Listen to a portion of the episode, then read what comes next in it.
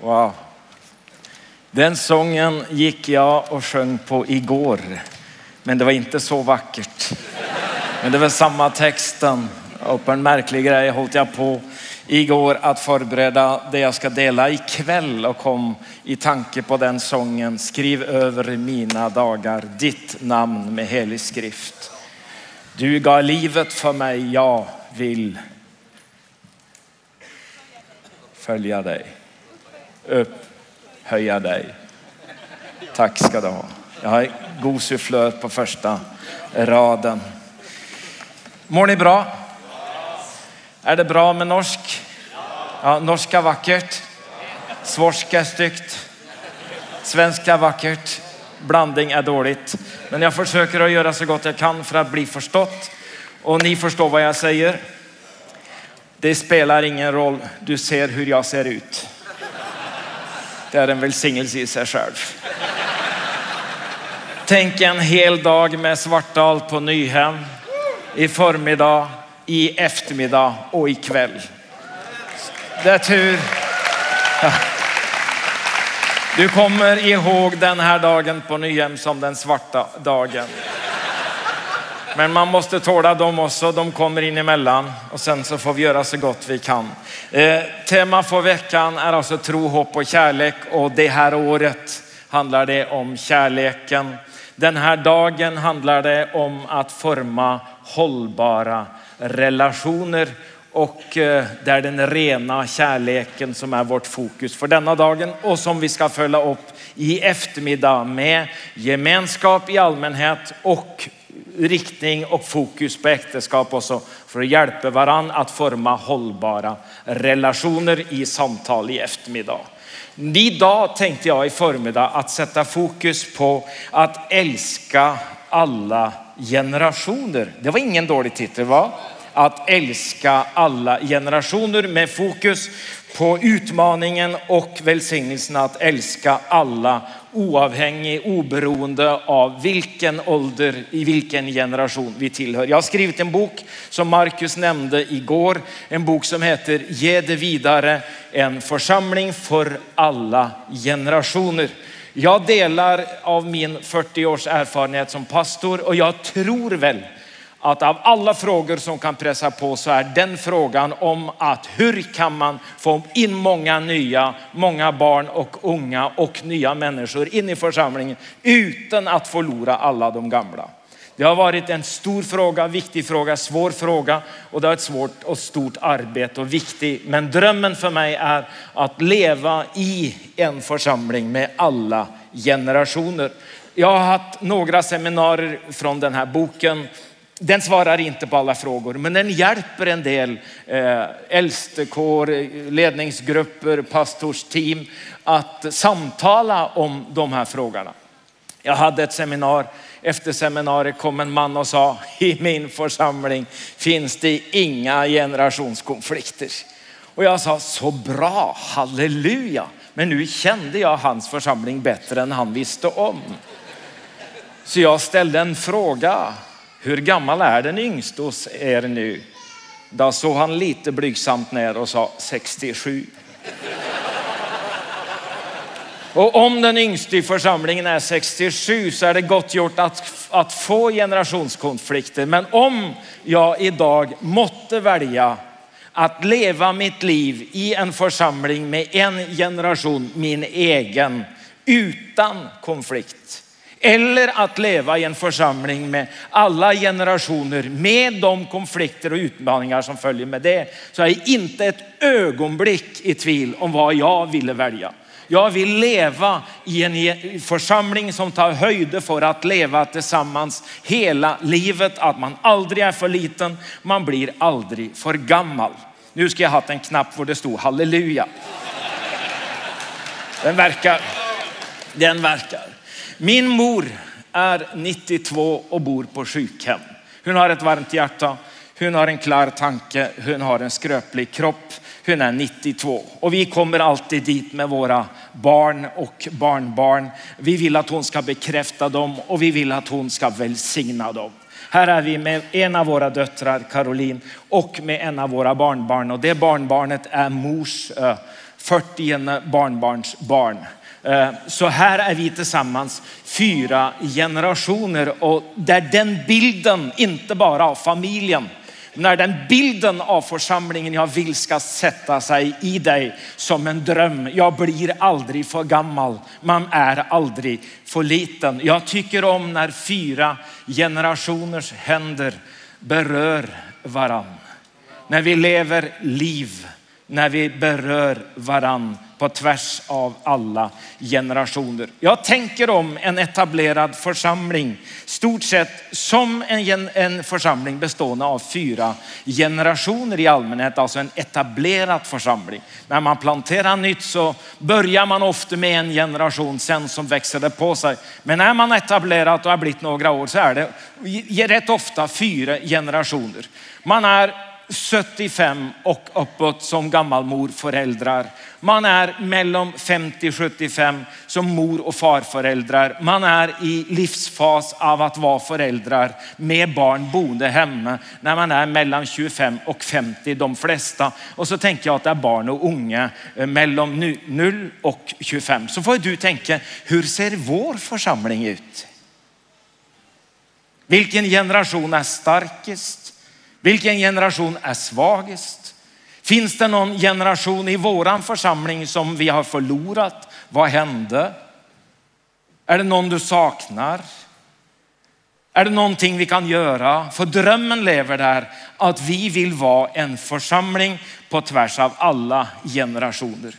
Min fru och jag såg det brudbilder på igår. Vi har blivit några fler än detta. Alltså man hinner ju inte ta foto eh, raskt nog till att få med alla barnbarnen som kommer. Men vi har blivit ett gäng över tid med våra elva barnbarn och vi hoppas att det kommer fler. I fjol fyllde min fru 60 år. Surprise party när hon fick vara Pippi hela dagen. Det är ju sällan nu för tiden att man ser en 60 år gammal Pippi, men hon levde ut sin dröm tillsammans med alla som fick vara med i det här universet som hon har levt i och som hon har delat med oss hela livet. Hon fick en lekstuga som en surprise-gåva och hon var så lycklig som jag aldrig har sett henne. Det är ju inte alla som får en lekstuga när de blir 60 år. Jag trodde ju att när hon och jag blev gamla så skulle alla leksaker ut, men det har gått tvärtom. Nu kommer alla leksaker in. Vi har tre, tre lekrum i vårt hus för barnbarnen och för barn som kommer. Eh, och jag tänker, vi blir visst aldrig, vi växer aldrig ut ur detta. Min fru arbetar eh, med senior i Philadelphia kyrkan i Oslo.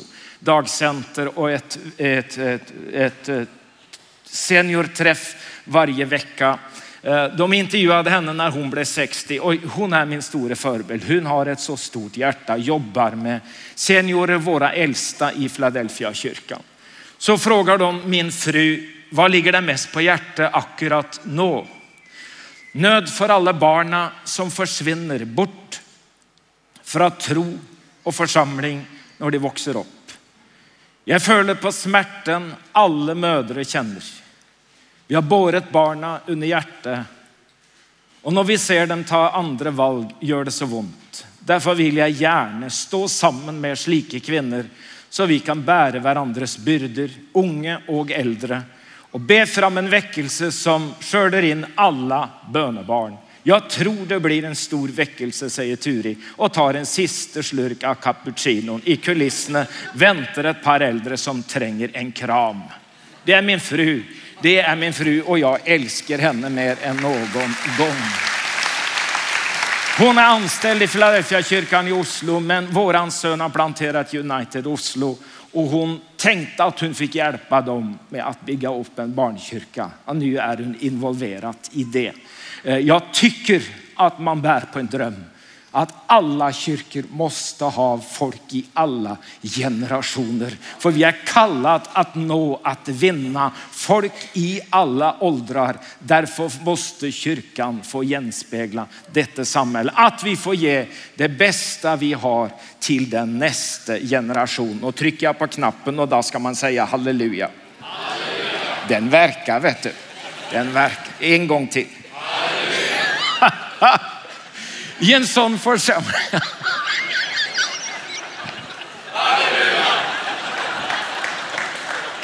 Det blir inte bättre än som så vet du.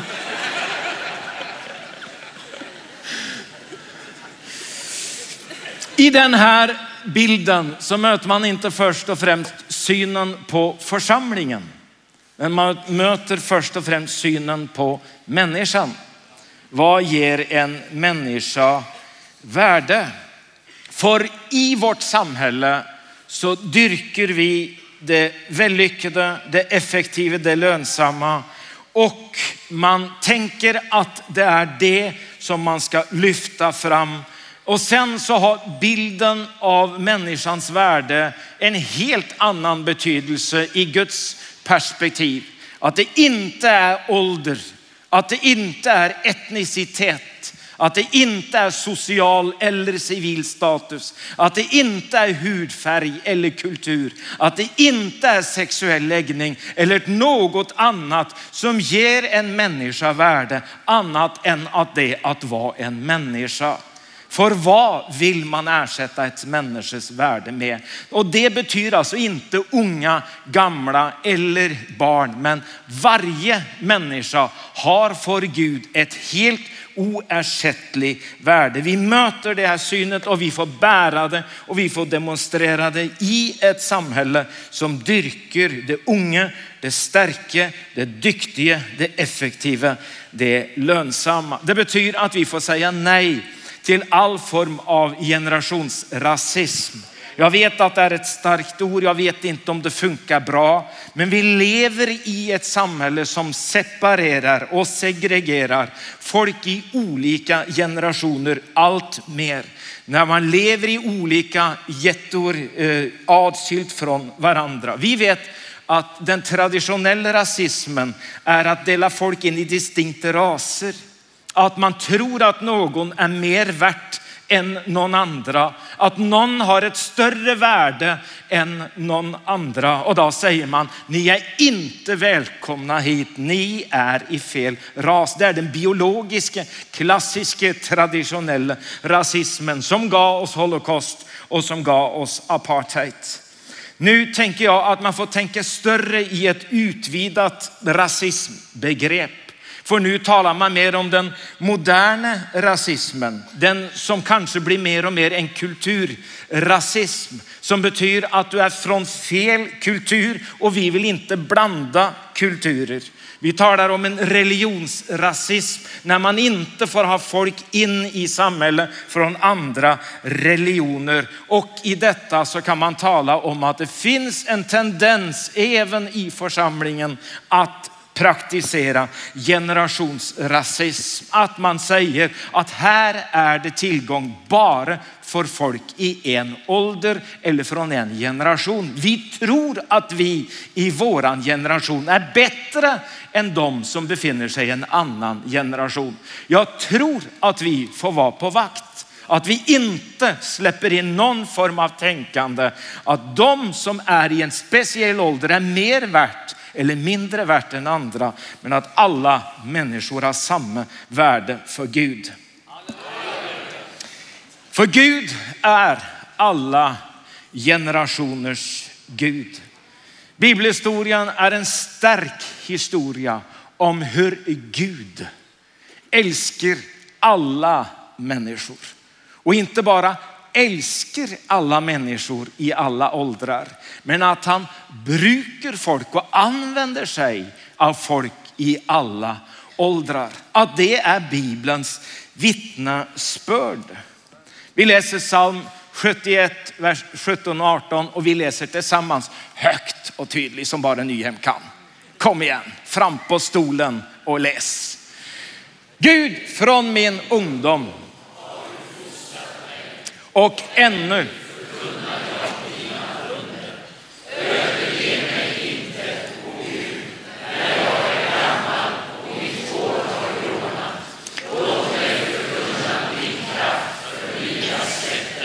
Halleluja, mitt hår har grånat.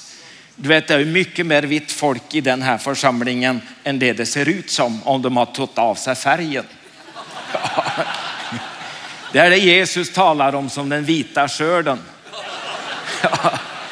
Och den vita skörden, det är den skörden av den generation i våra länder som lärde bibelvers och psalmvers utan till.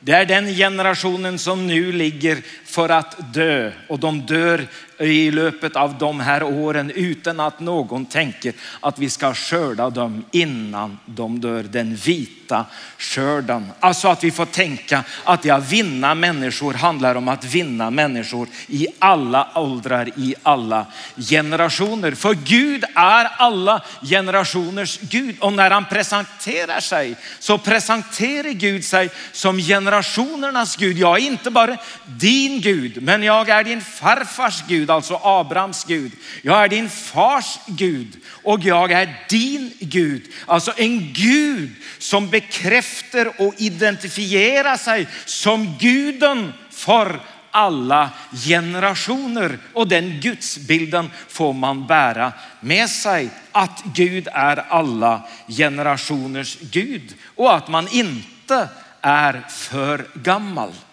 Du vet, det finns en frestelse i våra dagar speciellt när vi har fått lägre och lägre pensionsålder att man tidigare och tidigare känner sig för gammal. Jag gillar den här korten av den här tanten.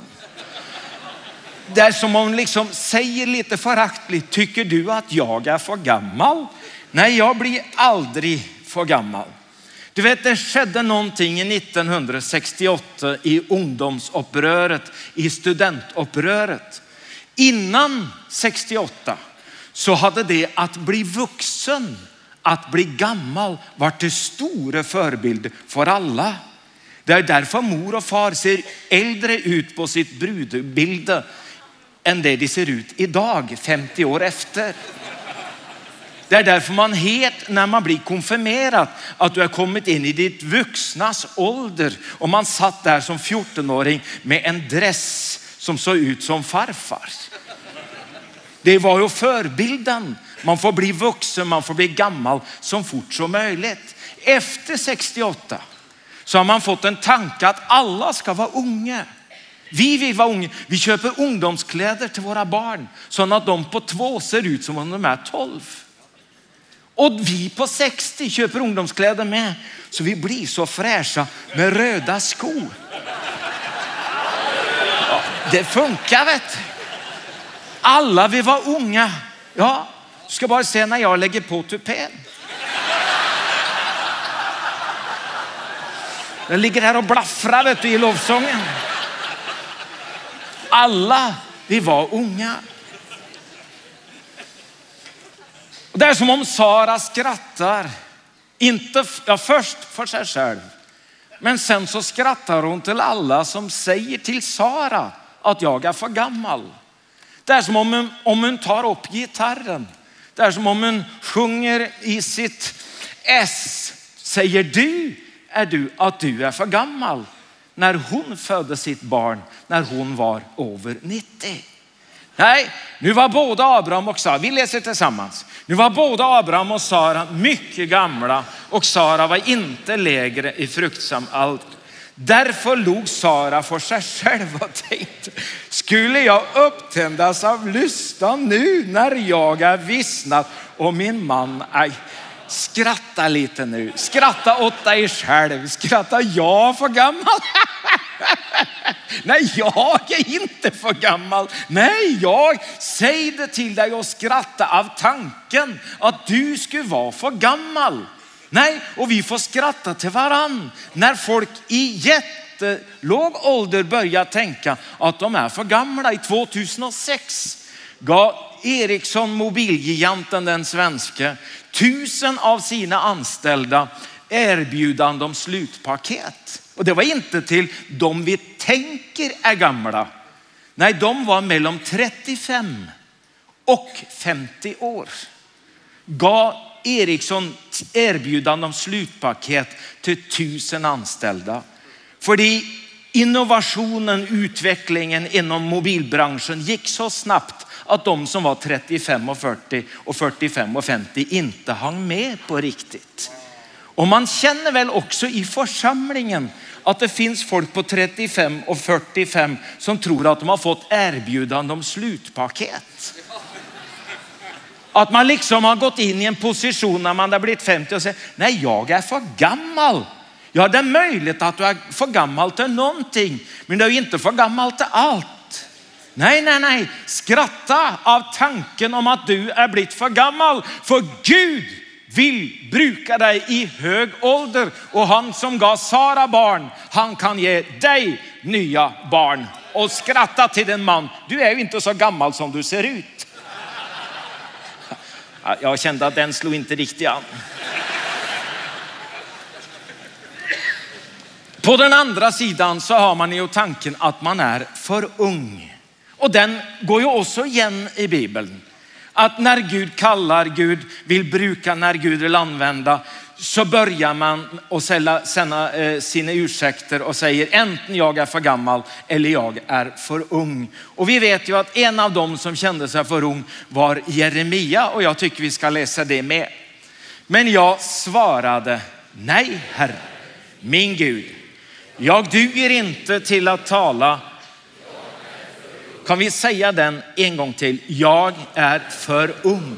Då sade Herren till mig, säg inte att du är för ung, utan gå dit jag sänder dig och säg det jag befaller dig.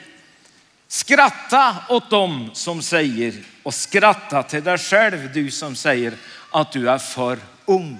Det var så jag kände mig. Jag började som predikant, som evangelist, som ungdomspastor innan jag blev 20. Ja, jag har hatthår. Ja, jag har ett skägg med. Jag var ungdomspastor i Fläfjakyrkan i Oslo från jag var 19 till jag var 29.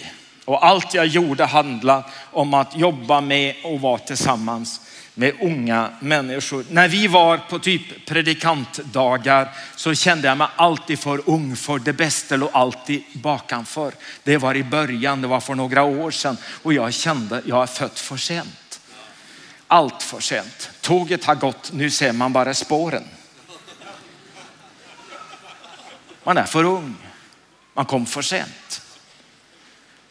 Sen så blev jag kallad att bli pastor i Kristiansand i Flärsa kyrkan där.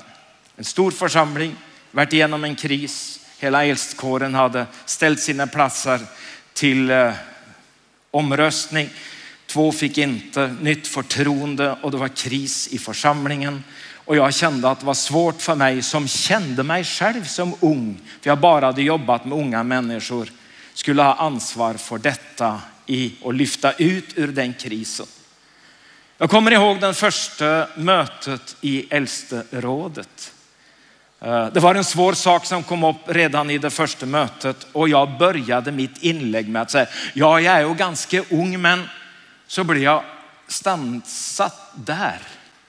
Det var äldstekårens Nestor som sa, vad sa du? Ja, jag är ju ganska ung. Ja, jag hörde det. Men hur ung är du?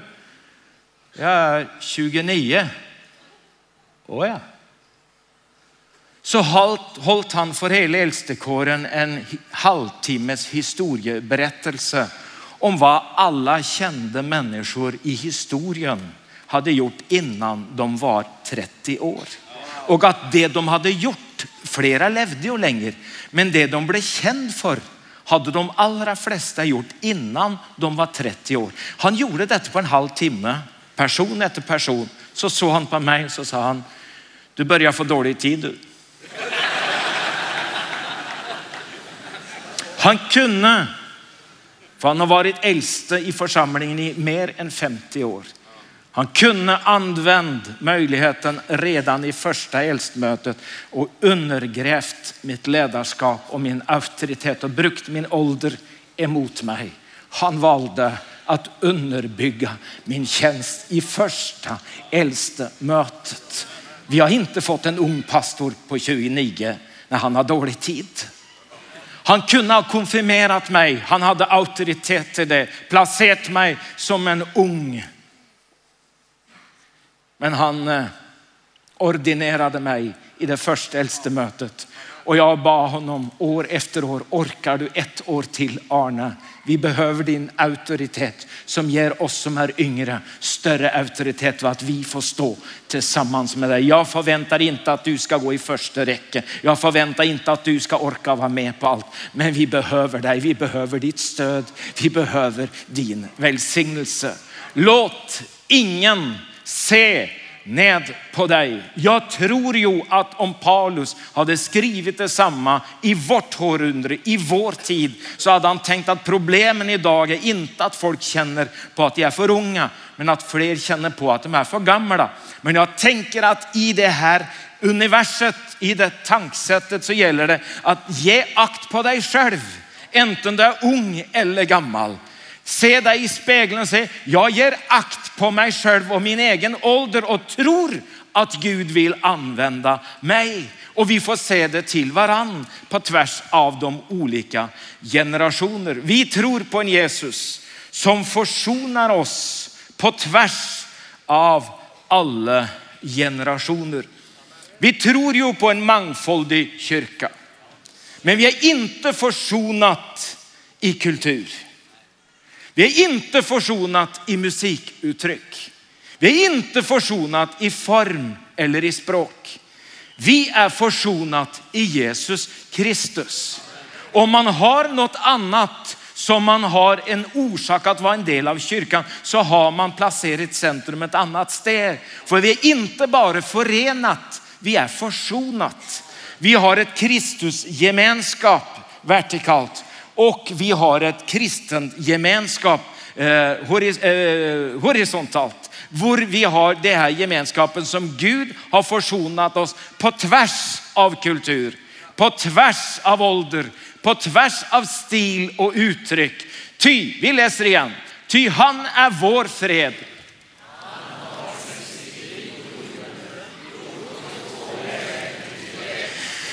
Nu är ni här på höger lite i otakt med dem på vänster. Nu går det långsamt här borta alltså. Kom igen.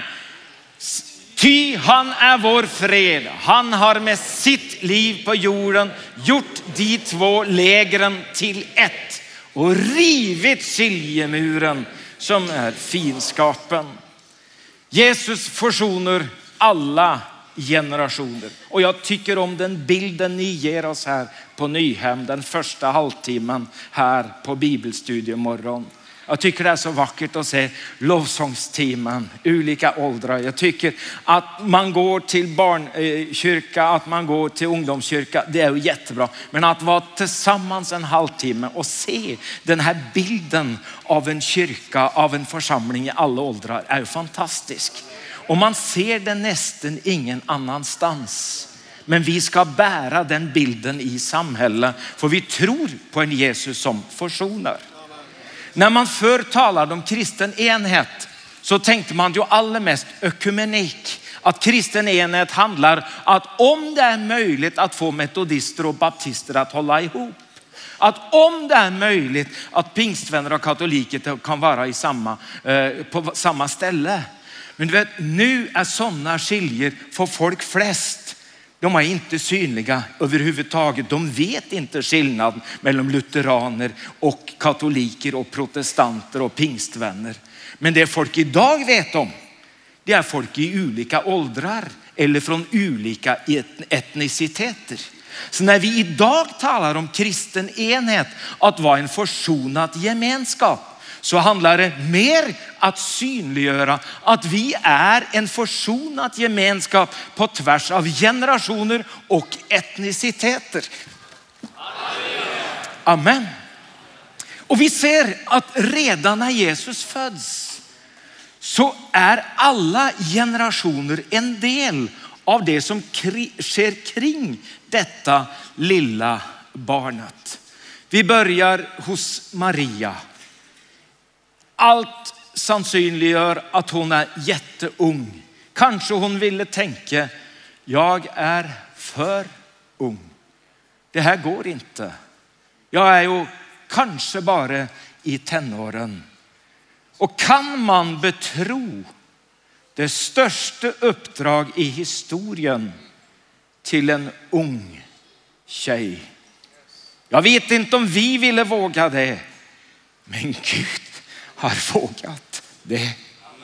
Och historien har lärt oss att Gud tror stort om unga människors möjlighet att bära fram det Gud vill ge världen.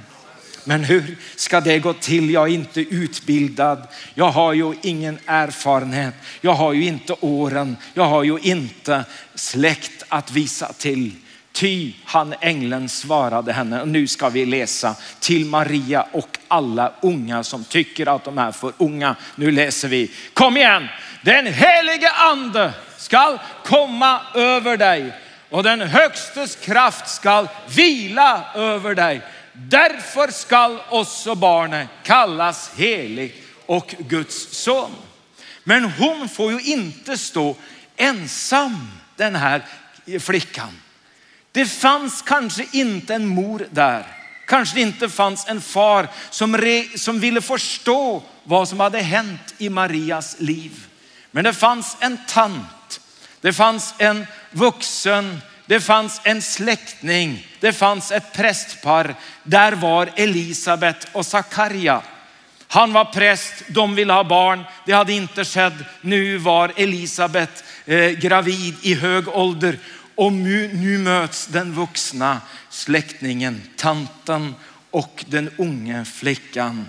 Och så sker det någonting att de bär på ett liv givet av Gud. Och jag tycker bilden är vacker. När man bekräftar varann, när man välsignar varann.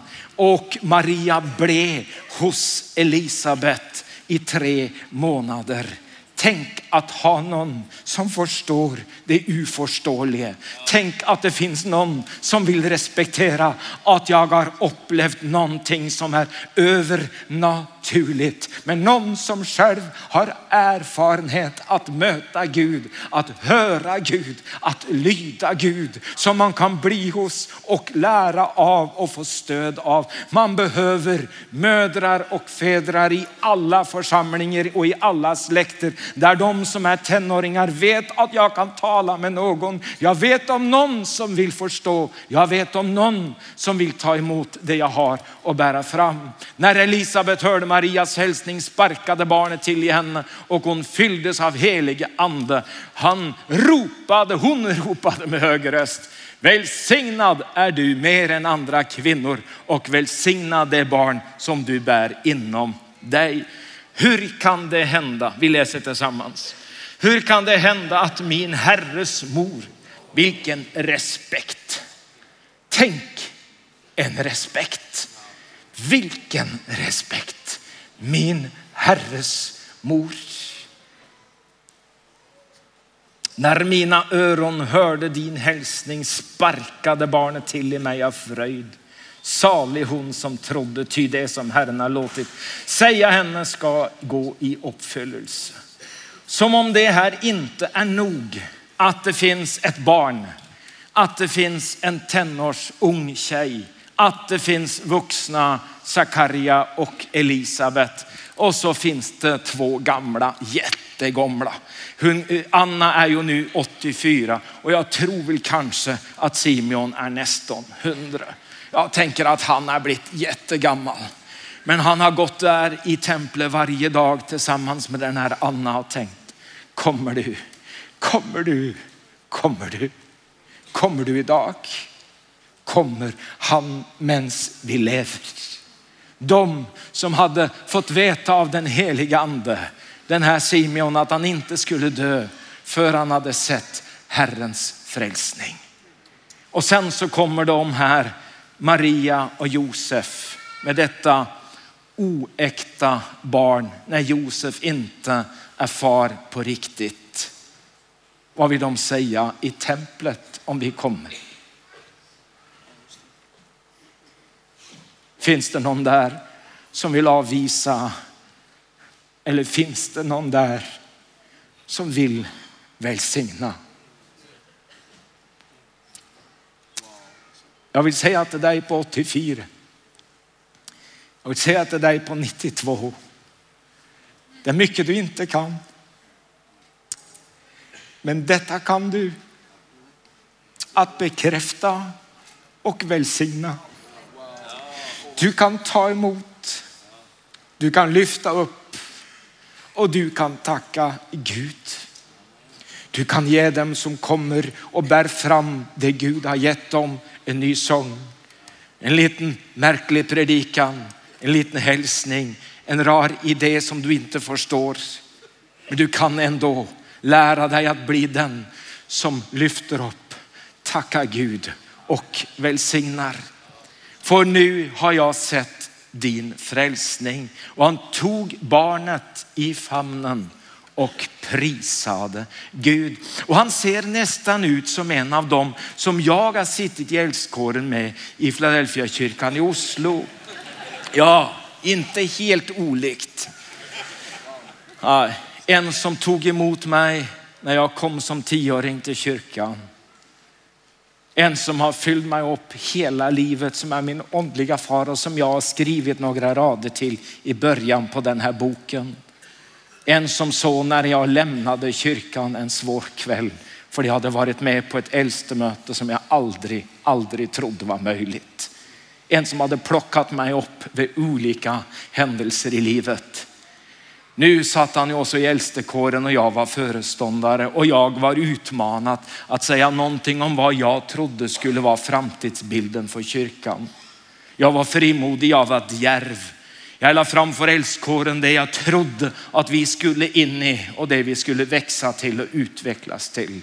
Och jag var väldigt spänd, särskilt bland dem som var äldst. Då responderar den här mannen med att komma fram där till flippovern.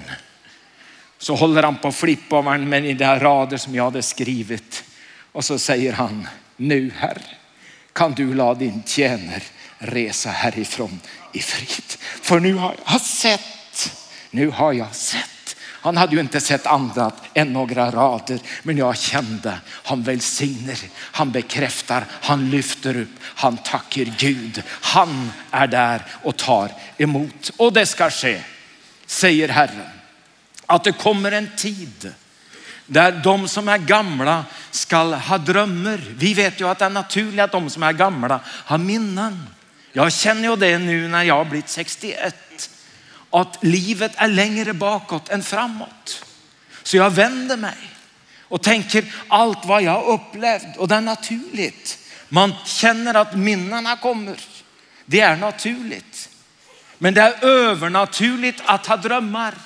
Och det är när anden kommer över och du drömmer ut över din egen tid och du drömmer ut över din egen generation. Du drömmer för nästa generation. Du drömmer för tider som du inte kommer att leva i, men du drömmer om det som kommer. Och jag tror att man kan forma hållbara relationer också på tvärs av alla generationer. När vi hedrar dem som har gått före, när vi vinner dem som vi har omkring oss och när vi bygger för de som kommer efter oss. Och jag ska sluta med en jättekort historia.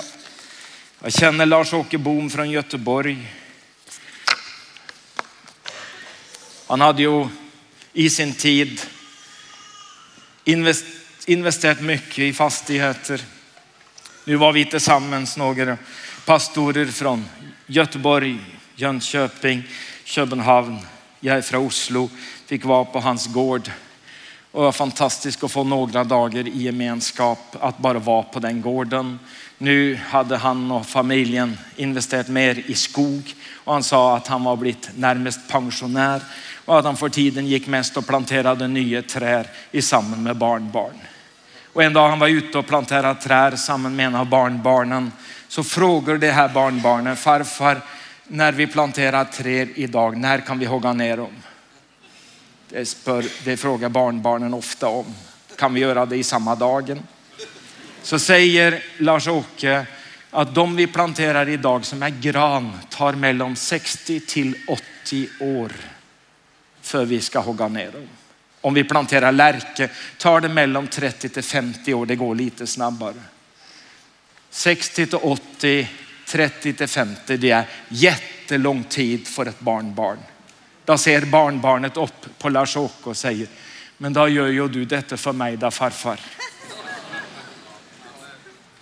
Och jag vill att många barn ska se upp till generationer som har gått och säga med tack.